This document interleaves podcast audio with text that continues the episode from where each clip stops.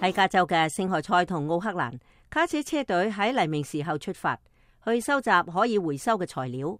呢一啲巨型特殊嘅车，每一架价值三十万美元。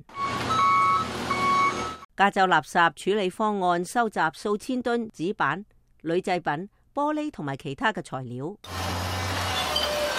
并且使用大型嘅机器将呢一啲混合喺一齐嘅材料推成堆，进行分类。呢个对于呢一个新移民公司系一个巨大嘅飞跃。大卫董一家啱啱嚟美国嘅时候急需钱，开始喺街上边执纸板，并且分类出回收物品。佢嘅父亲拼凑咗七百美元嘅头款，买咗一架二手卡车，但系仍需要借更多嘅钱。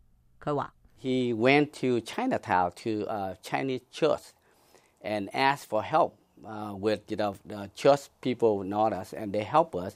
加州垃圾处理方案董事长大卫董话：佢爸爸去咗中国城，搵一家中国教堂寻求帮助，嗰度嘅人知道佢哋，教友帮助咗佢哋，所以佢哋得以到处嘅走收集可以回收材料攞去卖，佢哋就系咁样开始噶。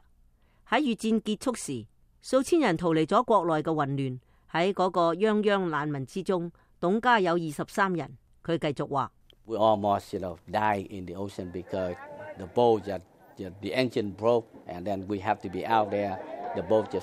大卫董话：，佢哋差一啲死喺海上边，因为船嘅发动机坏咗，佢哋不得不离开嗰度。船只系漂浮住。而家公司嘅雇员同复杂嘅机器承接咗当年董家依靠双手进行嘅分类工作，过程非常嘅机械化同自动化。機器通過磁鐵吸出廢鐵，電腦成像同鼓風機將輕型材料同纖維分離開嚟。呢一個過程使嗰啲製造業嘅顧客滿意。佢哋想要嘅係一堆一堆較為純粹嘅某一種塑料，或者係鋁製品，或者係紙製品，用喺自家嘅加工上。呢個對環境亦都有利。is trying waste, zero remove recycled. to as many 首席运营官乔尔科洛纳话，对于加利福尼亚州以及圣何塞同奥克兰呢两个城市嚟讲，要点在于零垃圾，尝试住从要送入垃圾掩埋场嘅垃圾流中，尽量可能嘅清理出可以回收嘅材料。呢一项专门技术亦都被用喺越南嗰度，大卫董运营嘅主要回收设施正喺度扩大。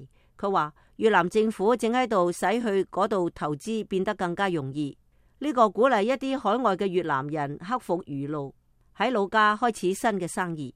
佢最后话：，An immigrant here, now I be able to bring in you know the technology that we learn, we do it here in the U.S. Bring in you know back to our hometown。加州垃圾处理方案董事长大卫董话：，作为移民，而家佢有能力将佢哋喺美国学到嘅科技、做到嘅事带翻去佢哋嘅祖国。并且有能力帮助越南人民改善环境，嗰个系使佢非常自豪嘅事。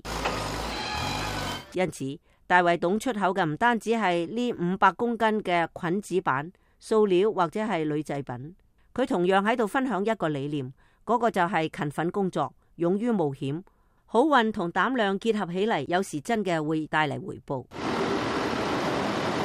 美国之音记者吉兰德，加州奥克兰报道。